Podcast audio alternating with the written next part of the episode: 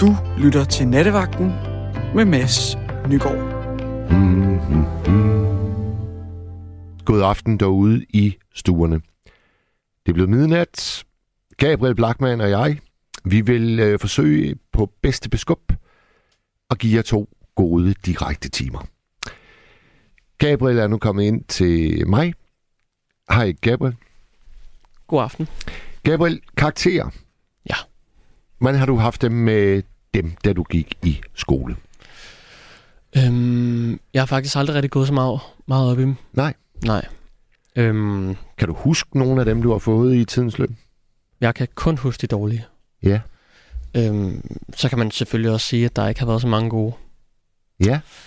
Øh, fordi at, ja, Jeg som er, jo, sagt, jeg ikke jeg, har gået så meget op i det. jeg er jo 53, jeg kan ikke huske den eneste. Nej.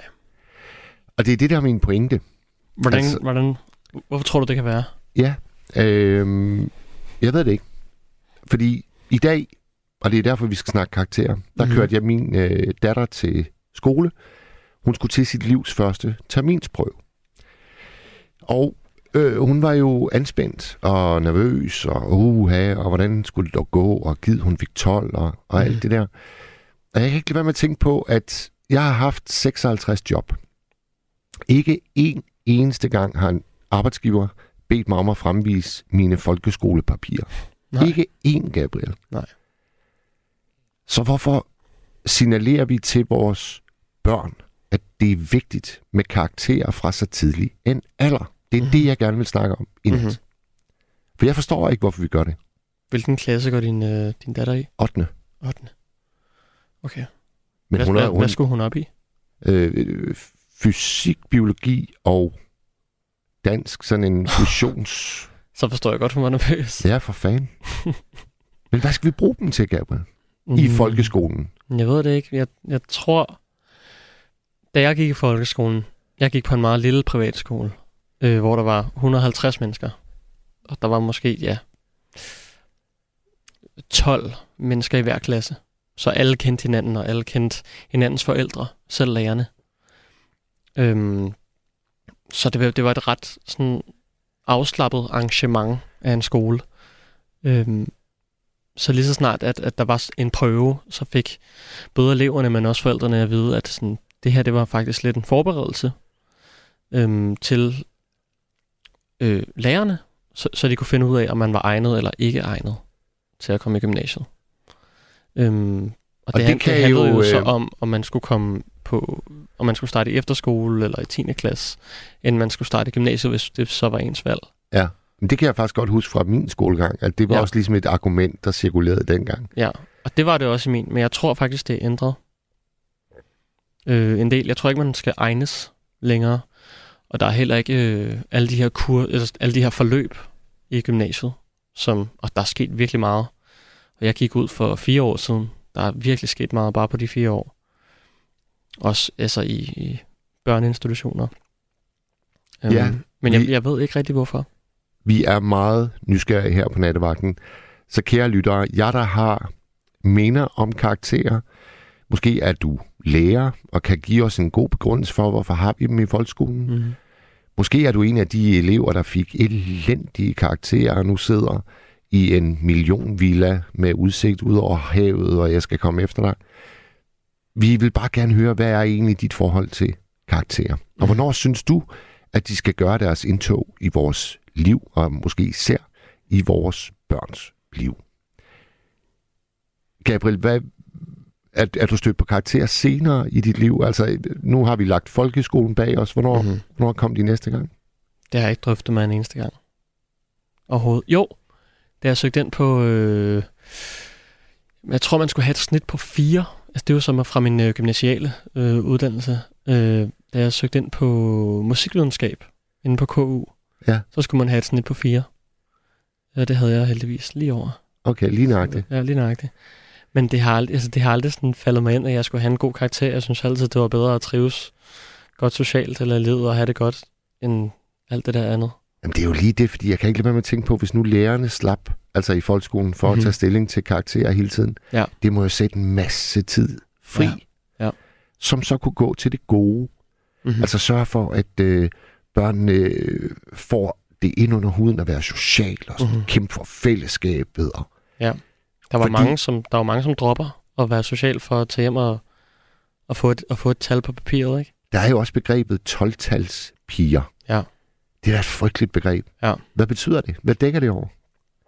Ja, det ved jeg ikke. Og Det hvorfor, jo, er, hvorfor er det kun piger? det er jo også som om, at det er negativt lavet, det ord, at, at det er at være øh, en stræber. Og det at stræbe efter noget, i min ordbog, er det jo, er det jo skønt og fantastisk at have noget, at en eller anden passion efter et eller andet bestemt.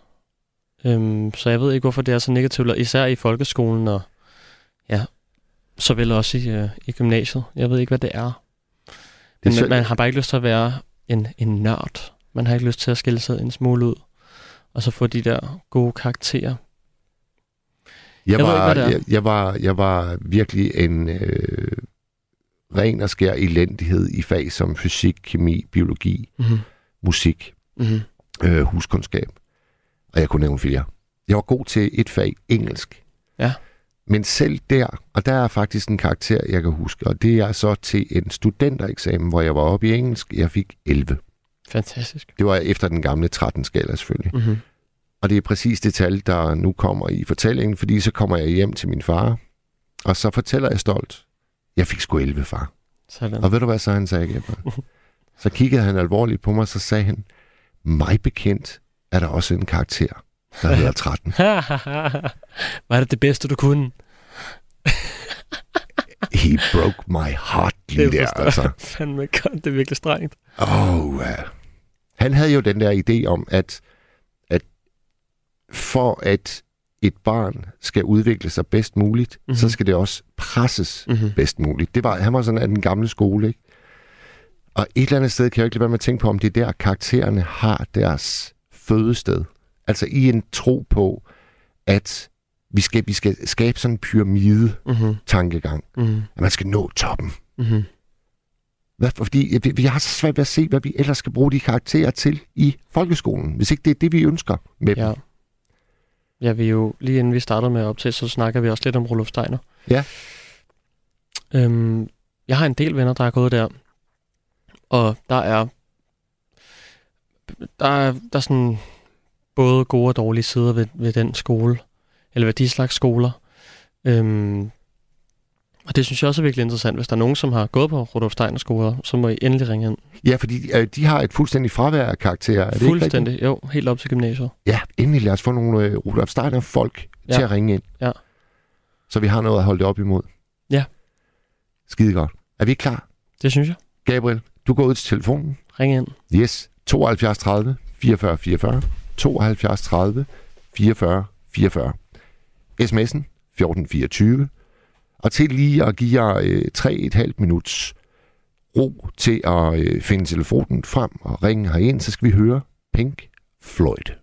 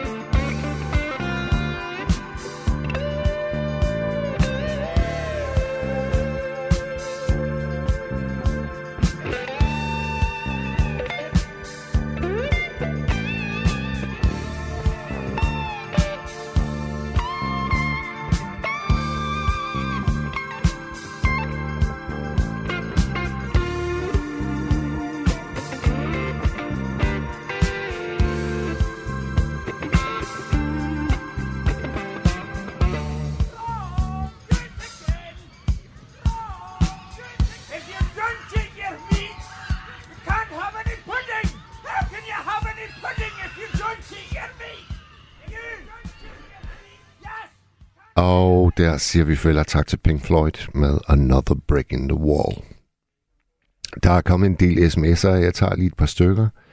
Inger, hun skriver, Jeg har aldrig gået op i karakterer. I de fag, jeg gik op i, gik det godt. I fag, som jeg ikke øh, syntes var interessante, gik det jo mindre godt. Sådan er det jo. Men jeg tror ikke, at mine karakterer betød noget som helst, da jeg fik job. Nej, og det er jo det, er jo det samme, som jeg kan nikke genkendende til. Så er der en anonym, der skriver, det positive ved karakterer er, at de kan sortere objektivt, så det kan bruges til at sortere på de populære uddannelser. Og da jeg læste nogle HF enkeltfag, gik jeg i klasse med nogen fra Steiner skole, som havde lidt samme nervøsitet som Masses datter. Så måske er det en almen dannelse at lære at gå til eksamen. Men man kan få karakter eller denne som personkarakter. Ja, altså det er jo et interessant spørgsmål. Skal, skal vi øve os på at gå til eksamen, eller skal vi starte med at lade eksamen være en form for leg? Du, øh, der skrev den sidste her, er jo inde på, at det kan bruges til at sortere på de populære uddannelser, men så er du jo langt op i, i alder. Altså det, jeg hæfter mig ved, det er, at vi starter med at lade karakterer være vigtige i folkeskolen. Det er det, jeg synes, der er unødvendigt. Men øh, ring ind 72 30 44 44. Det har Anita gjort. Ja, Velkommen, Anita. ja. Jeg er 80 år Ja, og har en datter på 50 år. Og da jeg var barn, der var jeg ordblind. Ja. En lille smule. Ikke rigtig ordblind.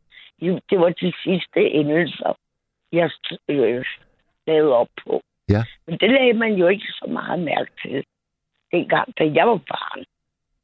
Og så da jeg fik min datter, der var jeg 30 år. Og øh, så ville jeg jo sætte, da hun så der gik i 6. og 7. ville jeg jo gerne have, så at hun fik gode karakterer. Så øh, hun, jeg betalte også en lærer for at lave lektier med hende en gang imellem.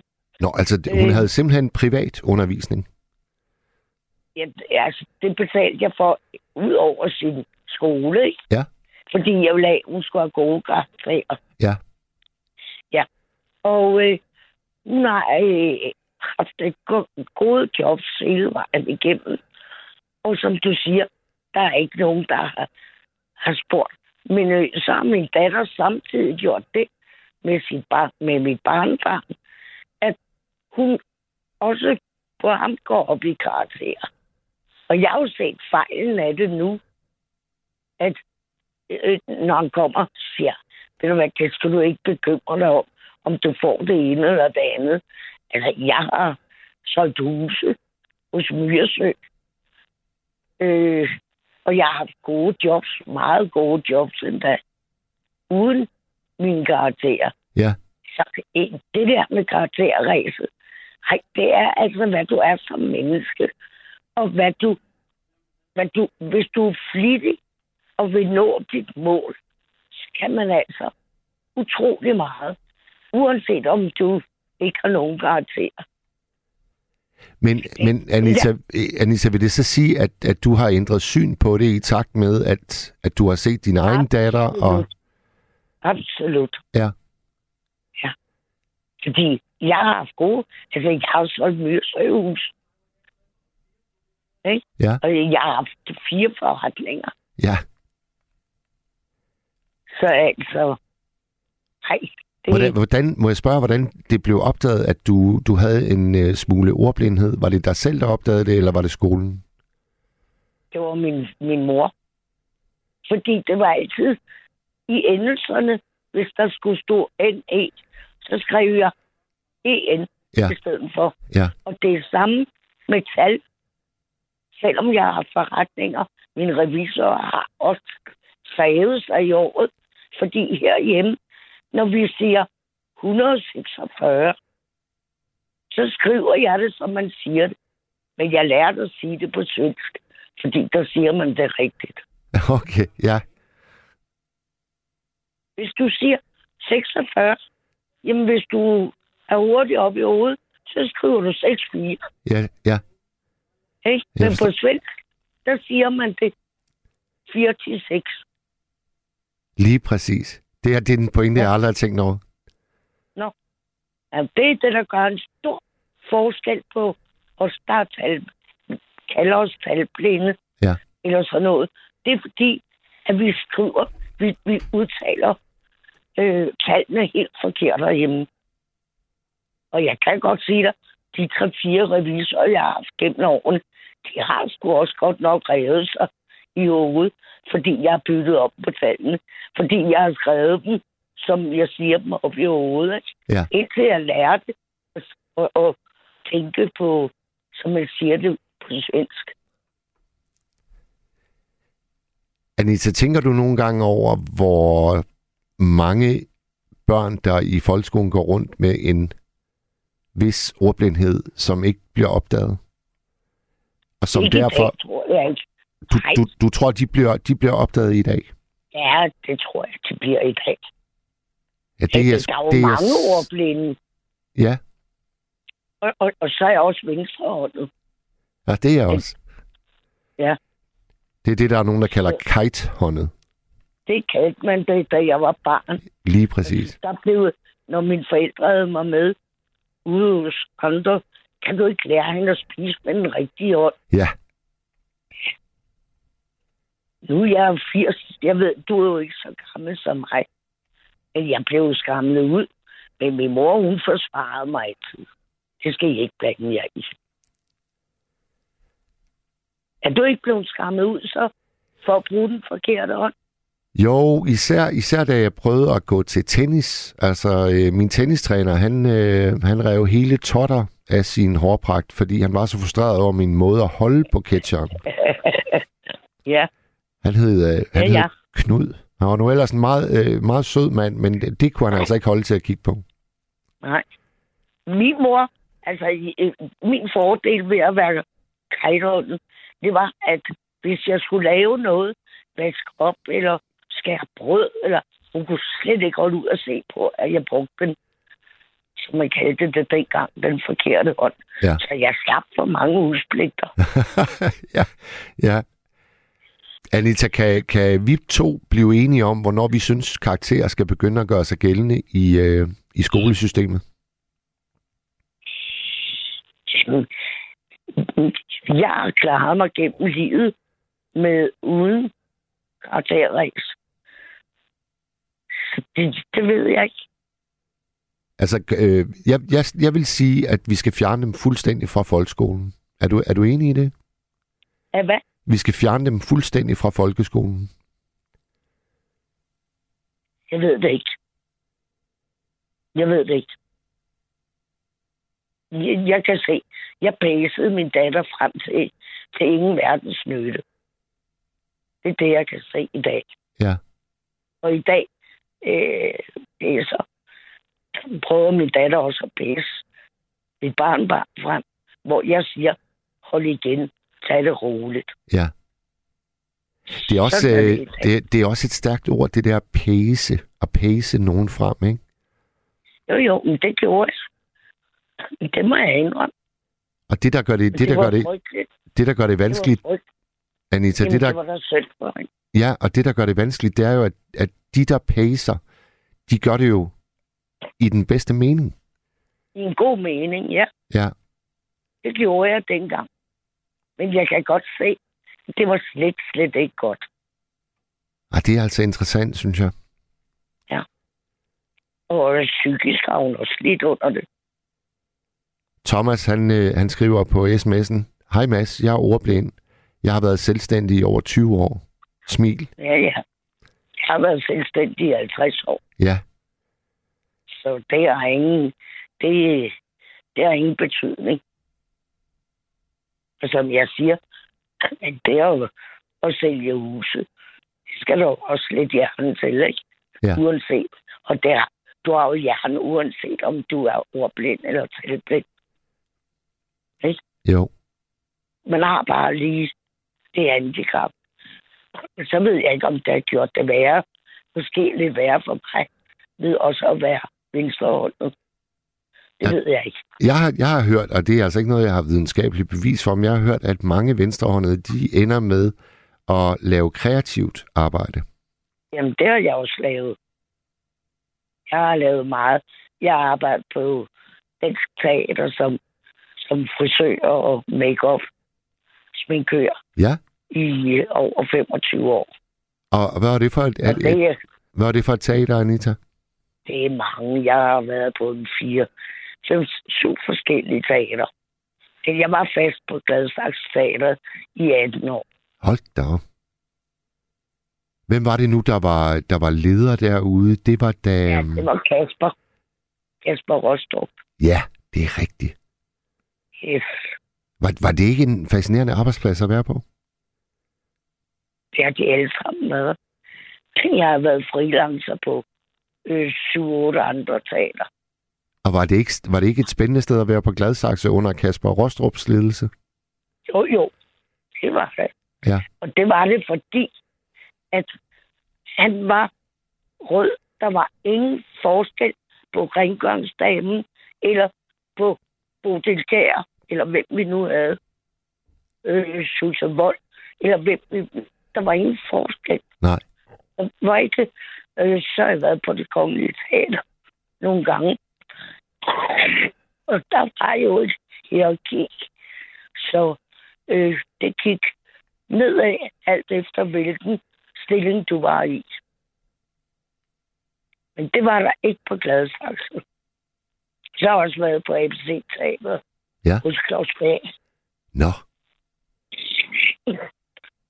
Hvad, hvad, årstal var, hvad årstal var det, øh, Anita?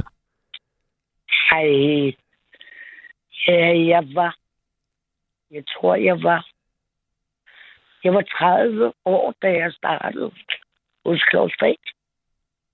Så, og jeg fødte i 43. Så det har været sådan i start 70'erne. Ja, Og det var, vel Så- der, det var vel der, hvor han havde sine absolute velmagsdage i dansk teaterliv, ikke? absolut, absolut. Det var mega sjovt. Ja. Det var det. Tror du, tror du øh, Claus Pag var sådan en, der gik op i karakterer, da han gik i skole?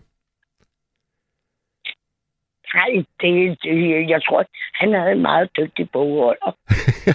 og det var kun derfor, han blev så rig. ja, Jamen, det gælder om at få nogle gode øh, revisorer. Ja, Ja, og, og, og bogholdere. Ja. det, det er sgu nok derfor, jeg stadigvæk er ludfattig. Det er, fordi jeg har hverken det ene eller det andet. og jeg er en revisor. En, jeg har været gift med min datters far er revisor. Okay. Det er nok derfor, jeg klarer mig så godt.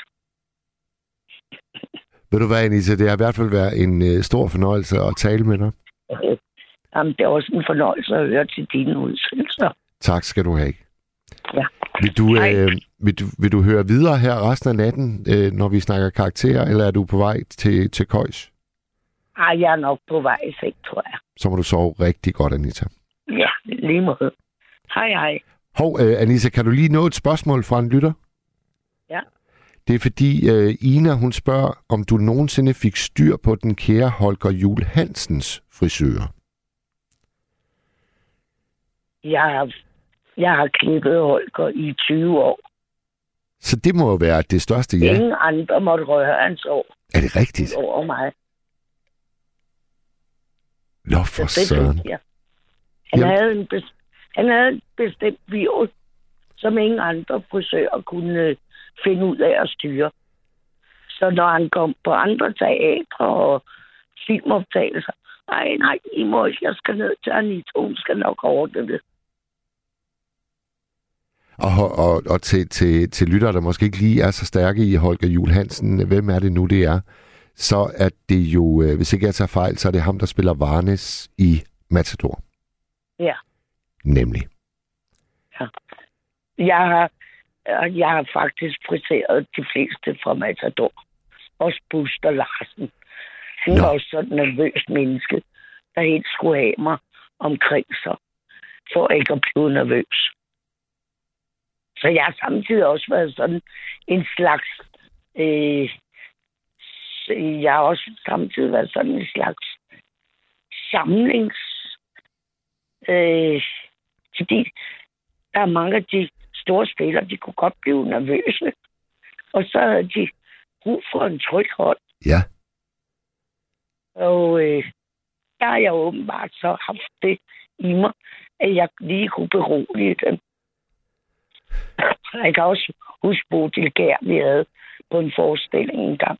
Ja. Og hun var så nervøs, og hun ville løbe ud på Bagsvær og Hovedgade, og teateret var i opløsninger. Og så var jeg inde, og så fik jeg en beroligelse, så hun kunne gå på scenen. Ellers var hun næppe kommet på scenen den aften. Ja. Der, der ligger mange lag i det. Ved du hvad, du minder mig... det, er heller, det er heller ikke nemt at være skuespiller. Nej, nej, De er også under stort pres. absolut. Ja. Du minder mig, du minder mig om øh, mine gode venner, øh, Søren Hedegaard og Preben Christensen. Åh, men det er mine venner. Nå, ja. Hej, Søren har jeg jo arbejdet. Øh, Søren har jo også været hjulpet mig ude på Gladsaxe. Jamen, jeg skulle nemlig lige til at sige det, fordi det ved jeg ikke, om du ved, Anita, men de to... Og han, han lavede mit år til mit bryllup. Nå, for filan. kære Søren. Jo, jo. Altså, de har, altså, de har jo et sommerhus, der ligger cirka 7 km fra øh, vores hjem i en lille landsby Nå. oppe i Vendsyssel. Okay. Jamen, det er så to pragtfulde mennesker. Men, men Anita, jeg vil bare lige her, lige inden vi slutter, så vil jeg lige fortælle, hvordan de mødte hinanden. Fordi øh, Det ved jeg godt. det er jo, det er jo faktisk, det er jo faktisk noget... mødte hinanden på ABC-teater, Ja. Og øh, hvor Søren skulle lave øh, noget, øh, noget på Preben. Øh, nej, jeg vil, det, det, det gider jeg ikke. også. Og jeg, jeg vil ikke fortælle. Det kan de selv fortælle, hvis de vil. Fordi øh, jeg kendte jo Søren, inden han mødte Preben. ja. Jeg ved, det har du egentlig ret i. Det kan være, at de ringer en nat, så fortæller de, hvordan de mødte hinanden. Det må de selv, det må de selv om, synes jeg. Du har fuldstændig ret. Sådan. Det vil jeg ikke, det vil jeg ikke udbyde. Altså, de, de er så dejlige mennesker, så de er væk. Ved, ved du hvad, jeg, jeg, hilser, jeg hilser dem begge fra dig, når jeg ser dem igen. Du må meget gerne hilse dem, ja. Det er godt. Tak for det, Anita, og så godt. Ja, ja tak. Hej, hej. Hej. Så øh, vender vi lige tilbage til karaktersporet, fordi der er en meget kortfattet sms her. Den lyder, I skal ikke tage mit UG fra mig. Og dig, der har skrevet det, du må virkelig gerne øh, ringe ind på 72 30 44 44, 72 30 44 44 og fortælle, hvad fik du UG i? For til yngre lyttere, så UG, det var jo fortidens 13-tal. Det var spitsenklasse, som de vil sige i Tyskland. Og jeg har ført, øh, hvis det skulle interessere jer, jeg har aldrig nogensinde fået et 13-tal, og det er, det vil jeg faktisk godt, godt benytte lejligheden til at klage over. Gabriel, er det rigtigt forstået, at vi har en lytter på toren? Jamen, så springer vi direkte videre. Hvem har vi med os på toren? Hallo? Det er mig. Velkommen til. Tak. Jamen, jeg sidder og griner, og ved du hvad, det var en, en pragtfuld samtale, du havde med, med den der kvinde. Ja, Anita, hun var godt nok skøn. Ja, altså, jamen det var vanvittigt, altså, ja. Og jeg kan, jeg kan kende din stemme. Det er Inger fra Fyn, vi har med os. Hvorfor kan du det? Jamen, det er, fordi vi har talt sammen før. Og jeg kan også huske, at du er faktisk lærer. Ja, ja, ja. Så du er en af dem, jeg rigtig gerne vil snakke med i nat. Jamen, det er jo fordi, jeg har det. Jeg, jeg skrev jo en sms. Altså, jeg har klaret mig godt i de fag, jeg synes var gode. Ja. Og de fag, jeg ikke synes var mindre gode, dem klarer jeg ikke så godt. Var ikke så godt i. Og øh, Og så skrev du, Sådan at det er jo ligesom sådan- naturens jamen, sådan orden. ligger, jamen, så ligger landet jo. Ja.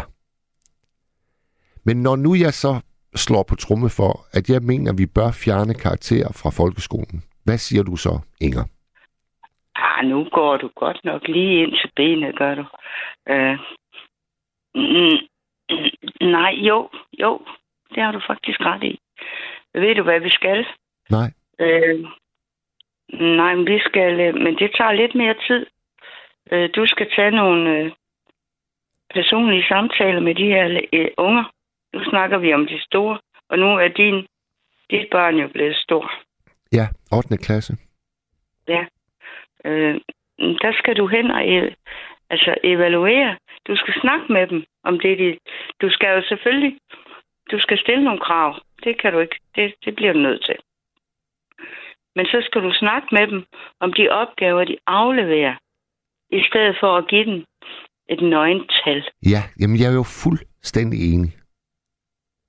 Nå, nå, nå, nå. Jeg er fuldstændig enig. Og jeg tror, øh, jeg søger lige tilbage, fordi der var en sms, der faktisk handlede lidt om det. Ja, her er den. Øh, jeg læser den lige, Inger. mm. Karakterer gives efter princippet mangler.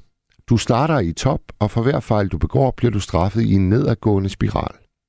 Vores søn gik på Steinerskolen i Gentofte, og der fik børnene ikke karakterer, men en udtalelse årligt, der tog udgangspunkt i det gode. Det er gået ham godt uddannelsesmæssigt, blev kandidat fra IT-universitetet i sommer og er i godt job. Barndommen genudsendes ikke, så send ungerne i skoler, hvor børn værdsættes og respekteres. Kærlig hilsen, Selma. Det kunne ikke siges meget flottere. Det Jeg er 100.000 procent enig med Selma. Nej, men altså... Jamen, det er jo der, hvor jeg synes... Øh, men altså, du skal ikke... Altså, det ved du jo også godt. Det tror jeg, du ved.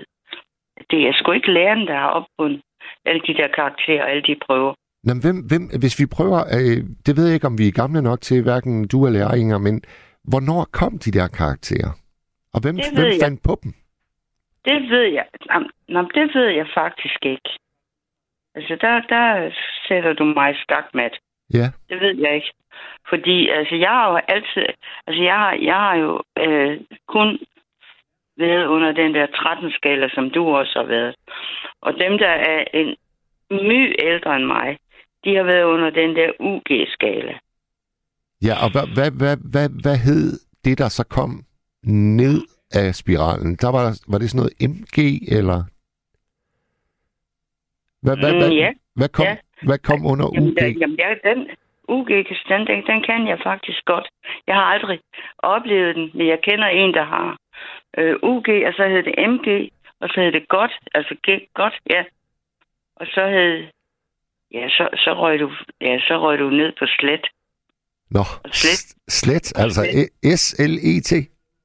Yes, og øh, i, den gamle skala, hvis, nu, må, nu må du ikke tage mig for face value, fordi jeg mener, at hvis du fik slet, så var det minus, fordi alle de her karakterer, de havde også nogle tal.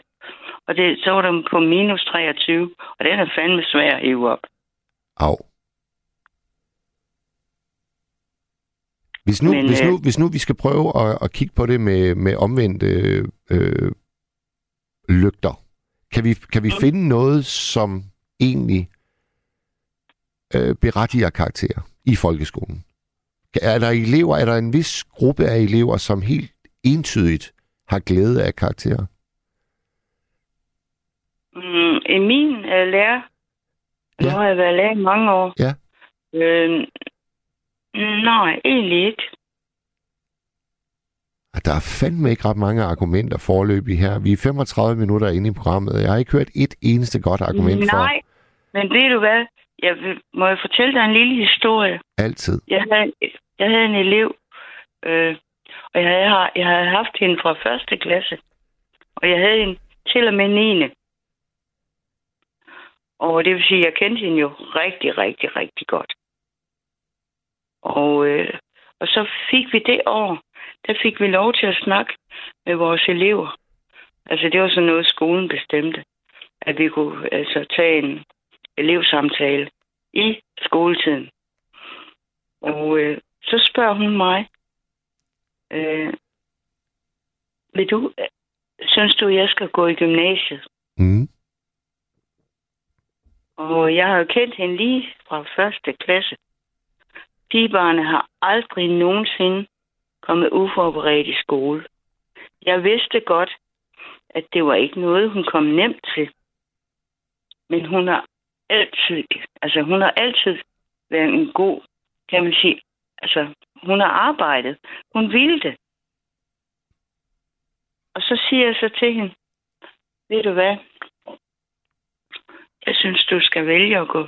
Jo, hvis du er indstillet på, at når du går i gymnasiet, så, øh, så, så skal du i hvert fald yde lige så meget arbejde, som du har gjort indtil nu. Hvis du er klar på det, jamen så skal du fortsætte. For selvfølgelig kan du. Ja. Og øh, hun fik sin studentereksamen, og hun er talehørepædagog i dag. Ja. Øh, og det er derfor, jeg mener, at de der forbandede karakterer, det er jo ikke dem, det betyder. Altså, jo, men, men, men det ved du heller ikke, fordi du har ikke været lærer. Vi fik på et, et tidspunkt, så fik vi indført den nationale test. Det ved jeg ikke, om du ved noget om. Jo, det er det, man kalder PISA-test, ikke? Mm, ja, det var det. Nej, det var dem, der kom oven på PISA unders. Altså fordi Danmark klarede ikke sig særlig godt i PISA-undersøgelserne.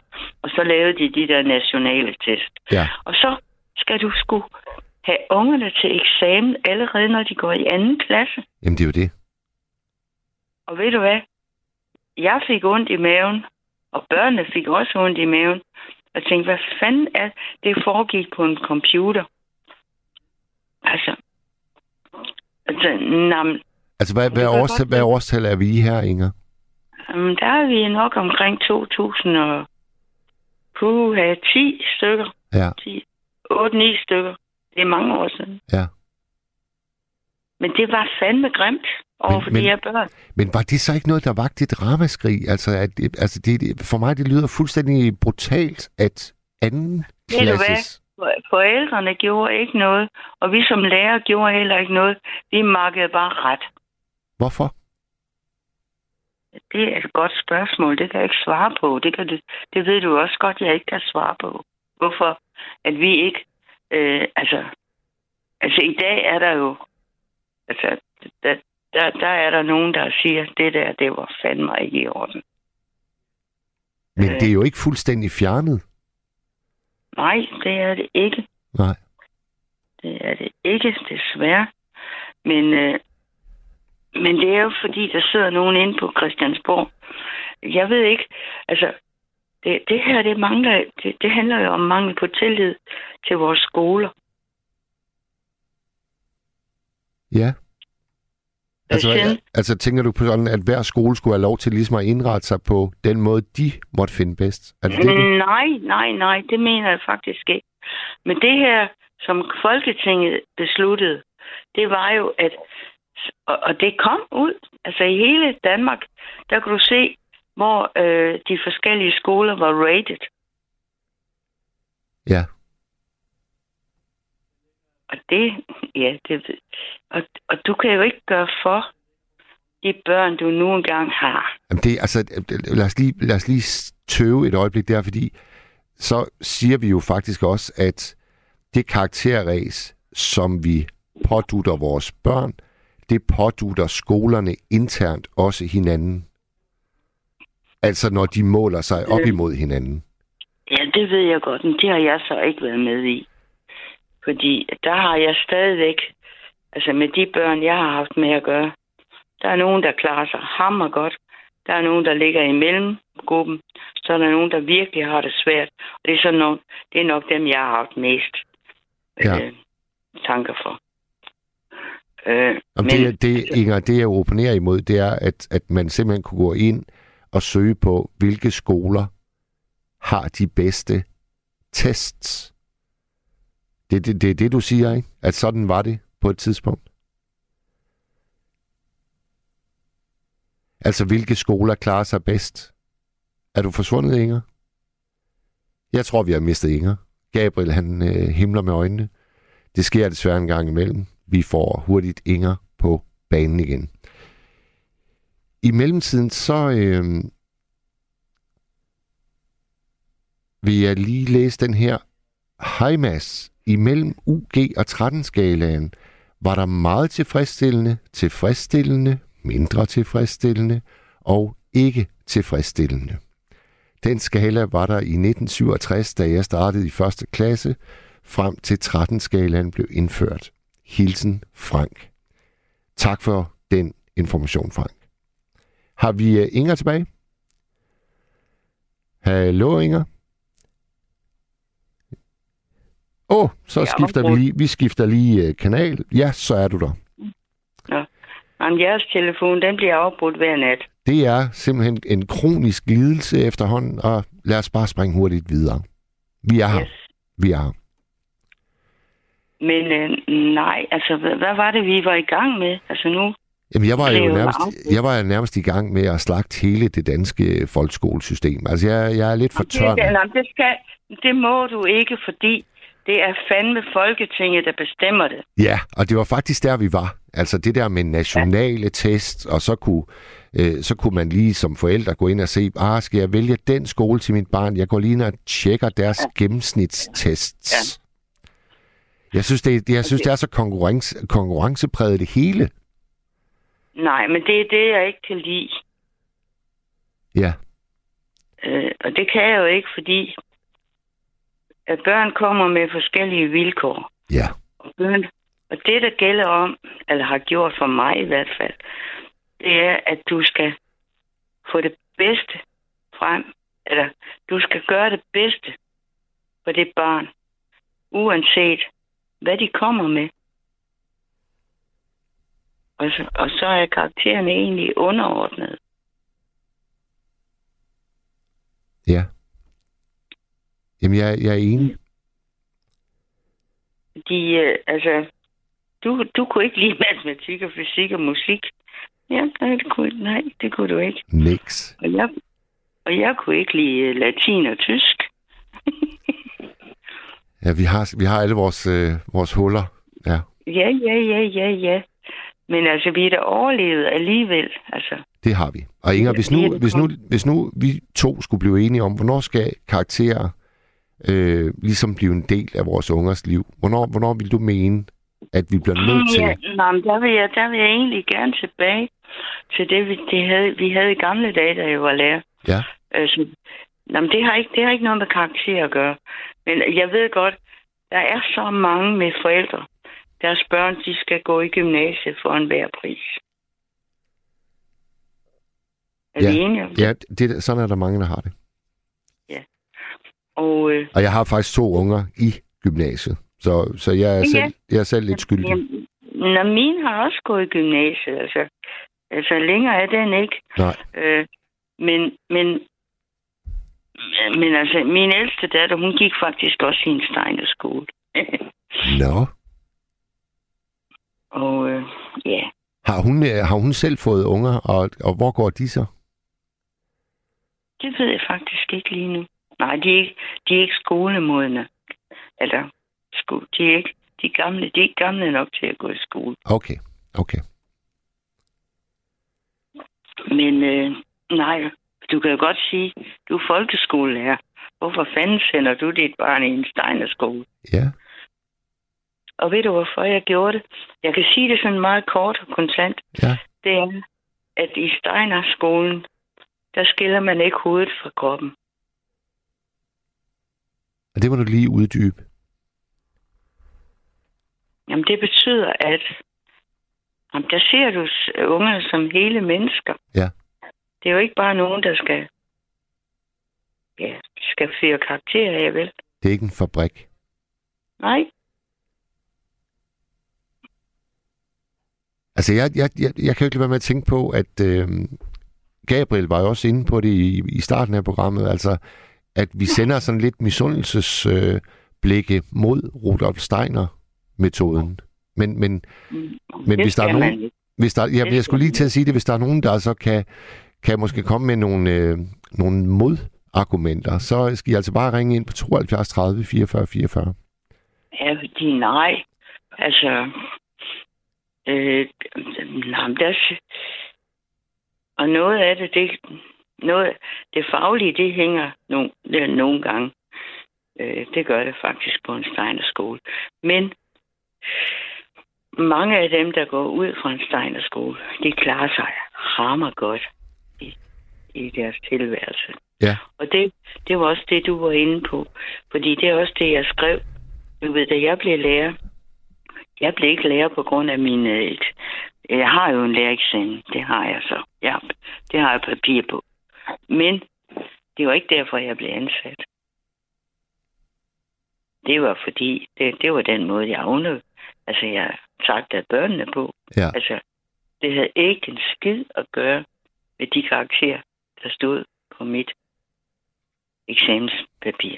Nej. Og det er også det, jeg har øh, erfaret igennem et langt liv med et hav af ansættelser. Ja, og ved du hvad?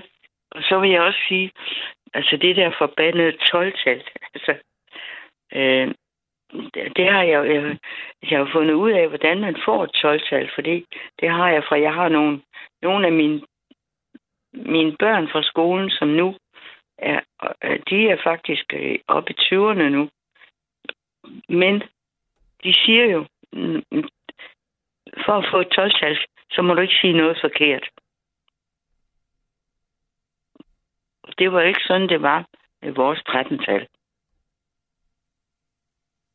Ja.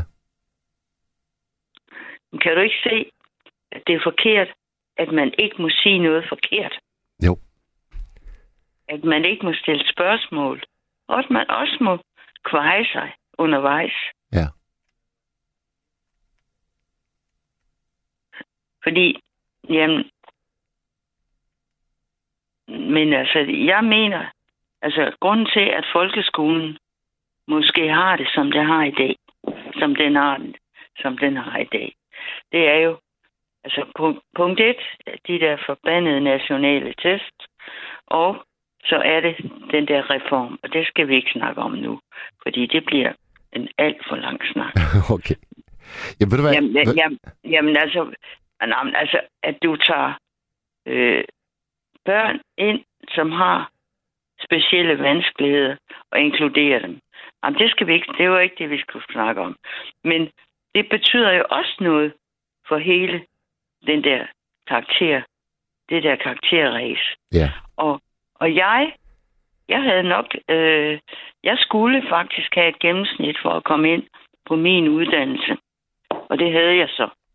Og, øh, og jeg håber, jeg håber fandme ikke, at din, din datter der, at hun får øh, krøller i maven, fordi hun, ja, jeg håber ikke, at hun, jeg håber, at du og hendes mor øh, kan sige til hende, jamen ved du hvad, så længe du gør dit bedste. Ja. Jamen, jamen det kan du tro, det kan du tro, det kan du tro, at vi, er, vi er helt enige om at sige til hende. Men så kommer der også et paradoks, fordi så har hun jo en søster, som nu går i gymnasiet. Og for, Ja. hvem, for hvem det vil lyde fuldstændig vanvittigt, hvis vi sagde, at gør nu bare dit bedste til hende. Fordi hun vil have de 12 Hun jagter dem. Og øh, at det, altså, det er sgu ikke noget, der er kommet fra hverken moren eller, eller undertegnet her. Altså, det er en... Du har jo ikke, du har jo ikke jagtet 12 taller. Ja, jeg har nærmest gjort det modsatte, altså sprunget helt ud af øh, ret, helt, ud af retningslinjerne. Øh, så det, ja, det, og det var også derfor, jeg spurgte nysgerrig til, er der nogen elever, en gruppe af elever med dine erfaringer, hvor det der med karakterer, det er, altså det, det er bare en guldråd, som, øh, som de har brug for, for at, at få mest ud af deres potentiale. Jamen, der er jeg nok for gammel, øh, fordi øh, altså min egen datter, hun er fandme ambitiøs, så det bare basker. Ja. Øh, og hun er, hun er en moden, det, altså nej, det ved jeg ikke, om hun er en moden kvinde, men altså hun er 40 år i dag. Øh, men hun er jo ved at jagte sin Ph.D. Altså for hende har det været fuldstændig alt afgørende at klare sig fuldstændig helt i top. Og det er sgu ikke noget, hun har fra hverken sin far eller sin mor. Hvor, hvor fanden kommer det fra? Ja, det er satme interessant. Jamen, jeg, jeg spørger bare, hvor kommer det fra? Ja. Inger, ved du hvad, Fordi, lad, os, lad, øh, os, øh, lad os slutte vores snak med det åbne spørgsmål, og så håbe, at der er en lytter, der ringer ind og kan give et godt bud på det. Fordi øh, det har jeg ikke rigtig forstået, hvorfor hun er så... Altså over... Nej, nej nu, nu, nu siger jeg et grimt ord, men overambitiøs. Ja. Øh, fordi altså, det er sgu ikke noget, hun har fået med hjemmefra. Det er det ikke. Det er et mysterium. Ved du hvad, Inger, vi håber, at vi måske kan få det løst, inden klokken bliver to. Nu skal vi altså have et stykke musik, øh, for jeg er helt tør i munden, efter at have snakket nu i 52 Øh. minutter i træk. Ja. Hvad vil du så spille for noget? Jamen, vi skal faktisk høre et øh, meget, meget skønt nummer med danske Claus Hempler. Og øh, nummeret hedder Drømmer om en sang. Og øh, tak fordi du ringede ind, Inger. Fornøjelse. Du har det godt. I lige måde. Hej hej. Tak. Inden du sætter det på, Gabriel, så minder vi lige om, at nummer hen til det er 72 30 44 44. 72 30 44 44. Du er på øh, nattevagten Radio 4, og øh, bliv endelig hængende, fordi vi sender helt ind til klokken 2. Nu kommer Claus.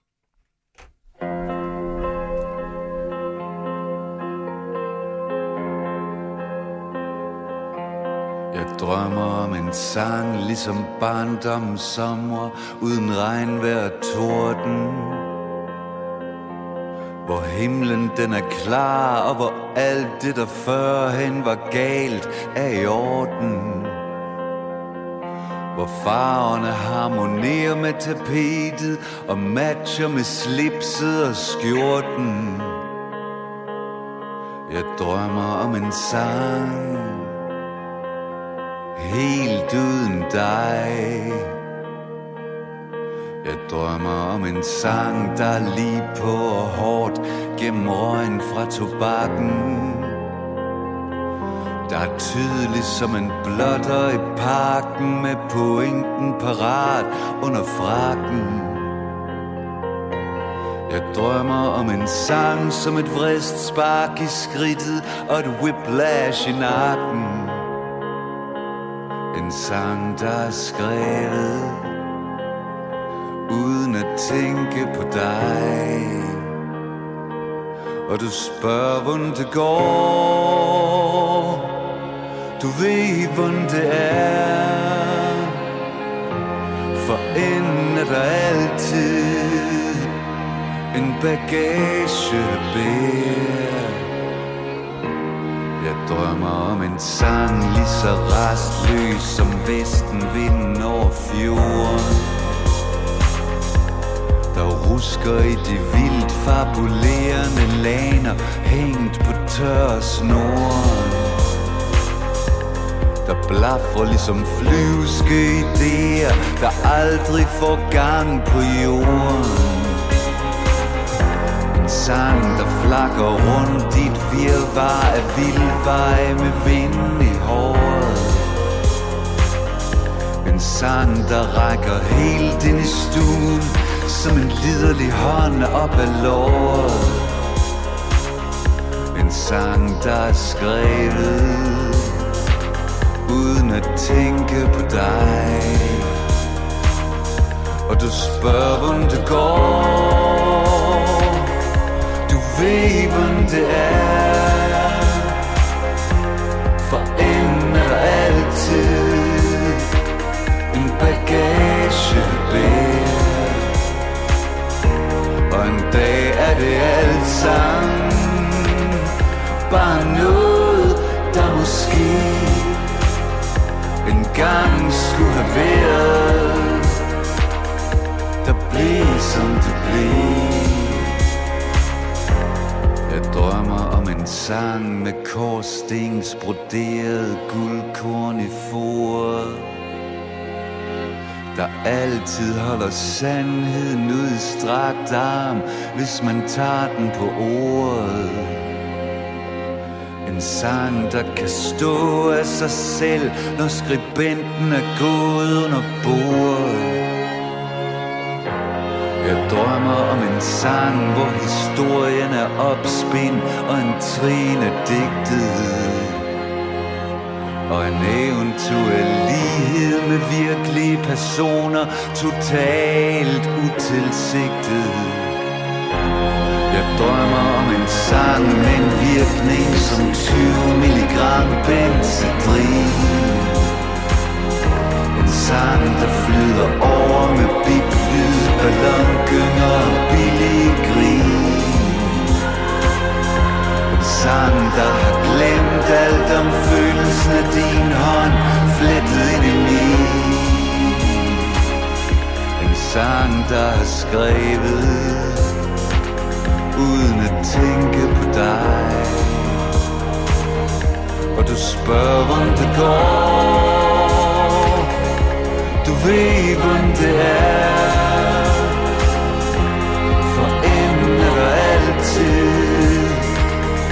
En bagage at bære Og en dag er det alt sammen.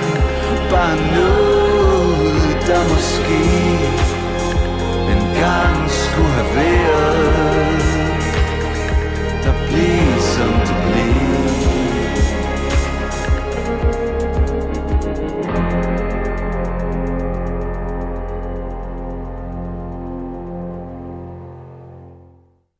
Claus Hempler med Drømmer om en sang. Jeg skal da lige love for, at den vagte glæde derude. Øh, jeg tager lige et par stykker, fordi jeg synes sgu, det er så rart, når dansk musik får af noget ros. Der er en her, der skriver, Claus, det danske svar på Leonard Cohen. Der er en, der skriver, jeg forstår simpelthen ikke, hvorfor Hempler først så sent begyndte at synge på dansk. Han har en skøn stemme, og teksterne er geniale. Med venlig hilsen, Nat Martin. Og Thomas han skriver, åh, pissegodt. Ja, jeg er fuldstændig enig, Thomas. Og Nat Martin. Og til den anonyme. Det var et fedt nummer. Nå, så spørger René Bindslev, hey, hvad er nattens emne? Jeg har desværre først lige fået tændt for radioen. Jamen René, du kan sagtens nå med ombord. Vi taler karakterer. Jeg slår på trummen for, at jeg synes, vi skal fjerne dem fuldstændig fra folkeskolen. Og det bunder i en øh, overlang undren over, hvorfor vi har valgt at gøre karakterer til så vigtigt et element i vores børns udvikling. Jeg personligt har øh, haft 56 job. Ikke en eneste af mine arbejdsgiver har nogensinde bedt mig fremvise mine papirer fra folkeskolen. Og det står jo i grad kontrast til alle de eksamener, jeg nåede at have i folkeskolen. Terminsprøver, eksamener, og hvad har vi? Og der lod lærerne jo skinne igennem. Sikkert øh, i bedste mening, at det var meget vigtigt. Og nu skulle, vi, nu skulle vi ikke sidde i vores klasselokale, nej, nu skulle vi ind i gymnastiksalen. Uh. Og der skulle være stor afstand mellem bordene, og man måtte ikke øh, gå på toilettet, før man havde fået lov. Det var drabligt, og det skulle være så stille. Og vi sad jo fandme der, alle vi unger, og synes, at det faktisk var lidt uhyggeligt. Fordi øh, hvis der var et sted, hvor der var liv, så var der jo netop gymnastiksalen. Vi kunne jo sidde og kigge på de der reb, der så ikke hang frit hen over gulvet, dem vi elskede at klatre op i. Nej, nej, nu er de lænket på plads med sådan en lille jernkæde, for der var ikke plads til leg nu. Nu skulle jo alt være alvor. Og det mærkede os. Det sidder der stadigvæk i en. Hver eneste gang, man har været til en eksamen siden, så har man husket den der første gang. Det synes jeg er forkert. Jeg synes, det er for tidligt, at vi gør karakterer til livsens alvor.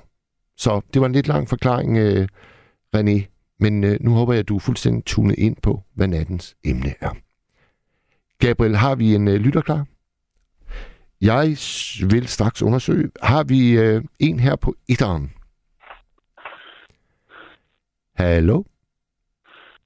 Ja, etteren. Er det, er det Finn? Ja, Velkommen. er det etteren? Ja, du er etteren. Åh, det er godt. For en gangs skyld. Ja, ja.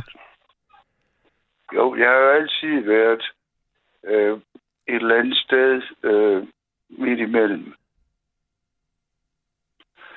Øh, det der med karakterer, som nu vi, vi har som emne i aften. Ja. Det er meningsløst. Fordi at nu, nu startede jeg i skole i 1962 og 63 der omkring ved. Og fra dag nummer to brød jeg mig ikke om det. Nej, nej. For helvede, jeg var træt af det. Ja, Og det var en plage i 7, cirka 3 år. Så kunne jeg ikke mere. Det kunne de heller ikke. Nu har jeg gået i adskillige forskellige skoler. Blandt andet en katolsk privatskole i Aarhus. Ja. Hvor at øh, gymnastiklæreren var sådan en rødhåret, fnysende væsen, som sparkede knægtene i røven og var virkelig ond. Og jeg tror sgu også, han var let og pervers. Og så en nonne, der skulle undervise os i seksualundervisning ja. og biologi. Altså en nonne, der skal undervise børn i seksualundervisning. Ja, det er jo lidt et paradoks. Den fik jeg sgu heller ikke til at passe i mit puslespil. Men heldigvis, så havde jeg buskort og tog op på Naturhistorisk Museum og lærte noget om det. Altså, det altså, da altså, bedre. altså Finn, tog du alene på museum? Ja, jeg, jeg havde buskort, skolekort, så kunne jeg køre frit med Aarhus Sporveje. Ja. Det var da, der var sporvogne. Og hvad, altså det er, jo, det er jo, må jeg ikke lige holde en lille øh, parkeringspause der, Finn? Fordi det kan jeg skide Jo, godt lide. Der er så mange, der, der øh, sætter lighedstegn mellem ikke at være glad for at gå i skole, lighedstegn med dogenskab. Altså det, nå, men det, er jo, det er jo sådan en, der ikke gider en skid. Nej, nej, du, Nå, kunne nej. ikke, du brød dig ikke om at gå i skole, men du, du ville gerne tage bussen, og så vil køre op på museum. noget. Jamen, det er jo det. Det er der så mange, det er der så mange, der ikke forstår. Ja, og, øh, og når man så går der hver dag, Ja. kan du se det, så bliver man jo observeret, fordi det er jo gratis adgang der i 1968, deromkring ved. Det er jo længe siden. Så sagde de, Nå, men du kommer her hver dag. Jamen, jeg går og kigger på tingene. Vil du ikke se noget mere? Jo, jo, jo, jo. Og ned i kælderen, når vi skulle se, hvordan man, at øret optog ilt fra vandet, og, og hvor meget de kunne forbruge, og, og deres lungefisk, og, og en hel masse dejlige forsøg. Og øh, min far, han afledede altså akvariefisk som hobby, eller som fritidsjob. Ja. Han, han var ved banen. Han havde sgu heller aldrig gået nok i skolen, men han vidste meget om tropiske fisk og havde eksportforretning og alt muligt. Så det har intet at gøre med, hvor lang tid man har gået i skole. Nej. Og, og senere altså så efter jeg ikke, jeg, jeg, jeg, jeg, selvfølgelig får man fri fra skole, så havde vi en god ven, der var cykelhandler. Der lappede jeg cykler og skrue de gamle knaller der, hvor det var til reparation og lære om det. Og så ved man noget om det. Og jamen, det går jo så let, og det, man behøver sgu ikke at læse en tons bøger. Så blev jeg så metalarbejder og lavede havnekraner ved Aarhus Maskinfabrik og svejsede i kilometervis. Og det var også helt fint. Men så blev jeg mobbet på teknisk skole af nogen, der havde mobbet mig i folkeskolen. Nå for filen. Og så kunne jeg ikke finde ud af det heller. Åh, hvad skal jeg så finde på? Og så stod den jo på møbelfabrikker, hvor man skulle stå og lave sådan noget ensformigt arbejde. Og ej... Og så blev jeg om sider 18. Altså alt det, alt det, du har fortalt indtil nu, det er noget, der er foregået, inden du fyldte 18. Ja, Hold da kæft. og så... Åh, så tænkte jeg, ej, nu er det kraftedeme være nok. Nu har jeg knoklet med dit og dat og vasket store gravemaskiner ved hydræb eller ved caterpillar og skruet dieselmotorer sammen, selvfølgelig som medhjælper og arbejdsknejt. Øj, hvor et knokkel. Så tænkte jeg, nu, nu, nu vil jeg skulle have noget, der er nemt at arbejde med. Så jeg tog på trukførerkursus den dagen efter, jeg blev 18. Ja. Det var mandag den 15. oktober 1973. Det husker du. Ja, jamen, det står på mit kursusbevis. Og jeg tænkte, det må være nemt. Så kan jeg løfte flere tons bare ved at rykke i et håndtag. Men min ryg, den var sgu allerede gået i stykker dengang. Så jeg skulle kigge mig tilbage hver, hver gang, jeg skulle bakke. Så det blev jeg ved med i en tre år. Og knoklet nogle sække, og fy, og træt af livet. Og så brændte oliefabrikken. Oliefabrikken i Aarhus, det svarer til søjerkagen i København. Så gik der ild i den, så tænkte jeg, jeg fryser af helvede til. Der må skulle være varme på derhen. Og så fik jeg jo derhen og søgte arbejde efter, det var mandagen. Og så fik jeg arbejde. Så var jeg der i adskillige år og kørte med ekstraktionsanlæg og var syremand og trukfører. Ja, det var jeg selvfølgelig også. Og kørte med sådan en kemisk øh, anlæg til det der oliearbejde og kom på kursus i et helt halvt år inde i fabrikken og lærte en masse om kemi, udover det, jeg vidste i forvejen. Og det var ikke så lidt. Så- Nej, men det var fint nok. Og, og jeg blev sgu også træt af at skifte hold og kone og børn. Det hænger altså ikke sammen. Man får sgu aldrig sovet. Så øh, gik jeg jo så i tomgang et stykke tid. Og jeg manglede jo arbejde. Det var der i to, tre, der var der jo nedgangstider. Ja. Så jeg tænkte, Nå, nu har jeg jo sådan et, et øh, universalt øh, generelt driftsoperatør kørekort. Universal general drifts.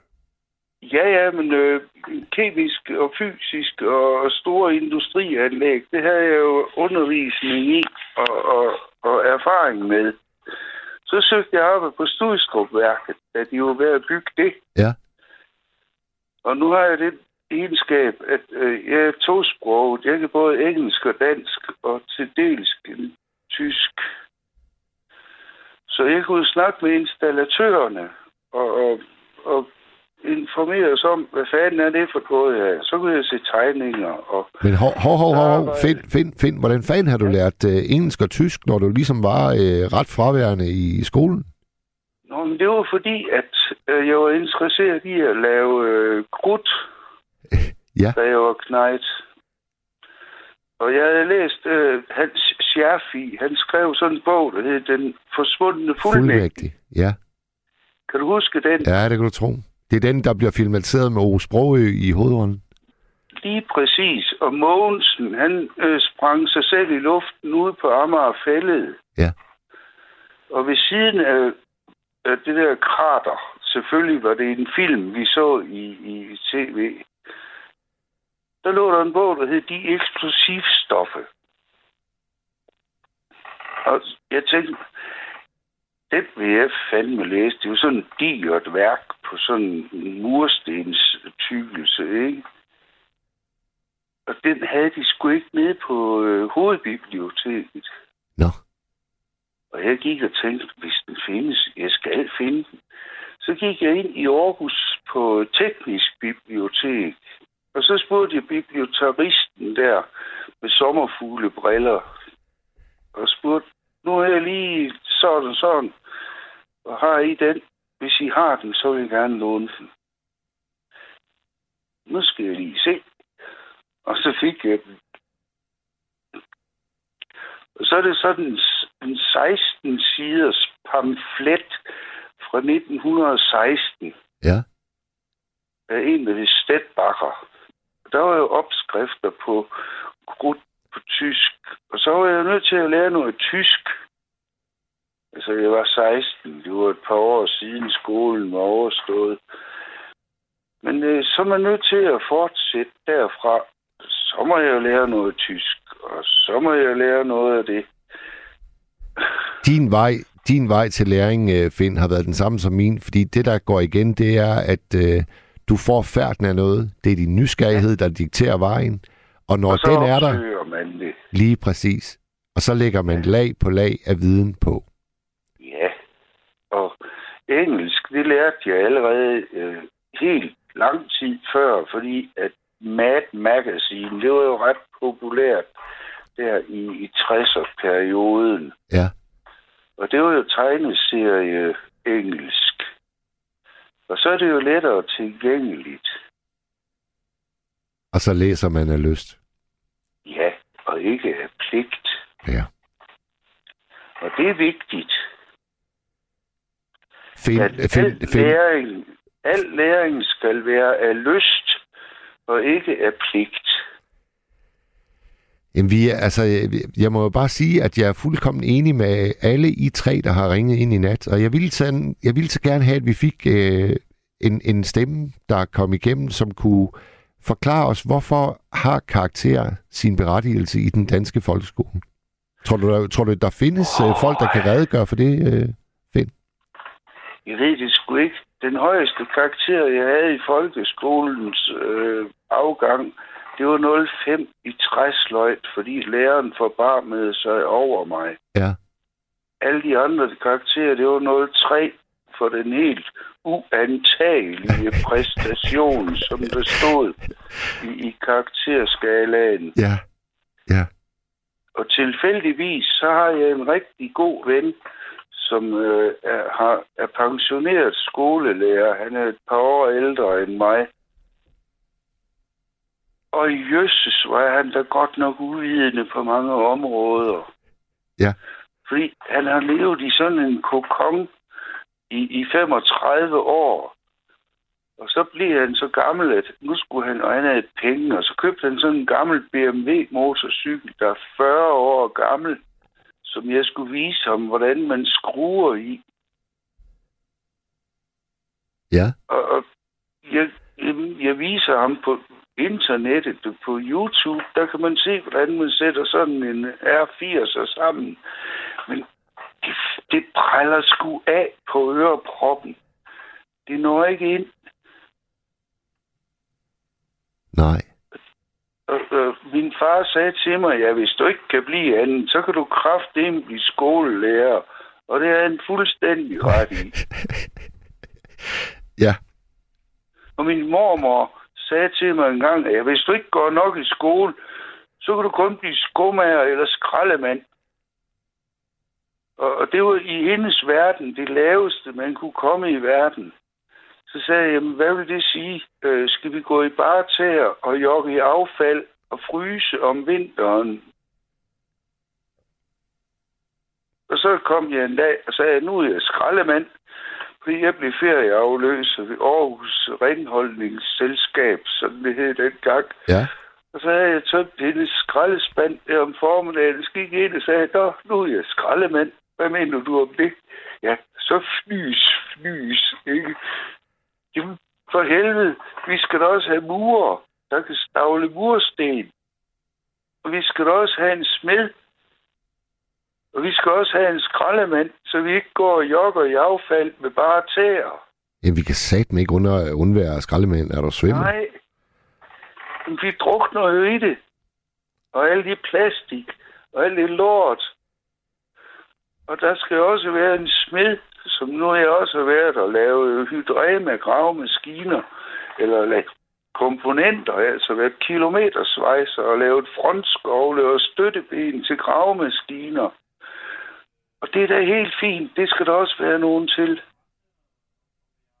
Der Og der skal er, også være nogen, der skal også være nogle svejser til at lave gasrør, og det gjorde jeg også.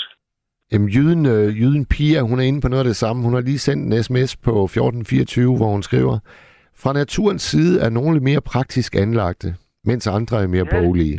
Og intet er bedre end noget andet. Det må Ja. handle om at gøre det, man finder glæde ved. Lige præcis. Og, og jeg kunne se, at glæden ved det var, at de gasrør, jeg svejsede sammen og skulle lægges ned i hullet. Hullet var gravet af en gravemaskine, hvor jeg havde fremstillet støtteben og frontskovl. For der stod FT, og så dato og årstal. Fordi at jeg står ved det, jeg laver. Finn, øh, prøv lige at hænge på, fordi vi har faktisk øh, vi har fået en lytter med på, øh, på toren. Det lyder godt. Hej Bjarne. Hej. Velkommen til programmet. Jamen, mange tak skal du have. Du har stadigvæk øh, både Finn og, og, og mig med, øh, Bjarne, men. Ja. sig endelig løs. Hvad, hvad har du på hjerte? Nå, jamen, du efterlyser jo en, der synes, at, der, der synes det er godt om karakterer. Ja.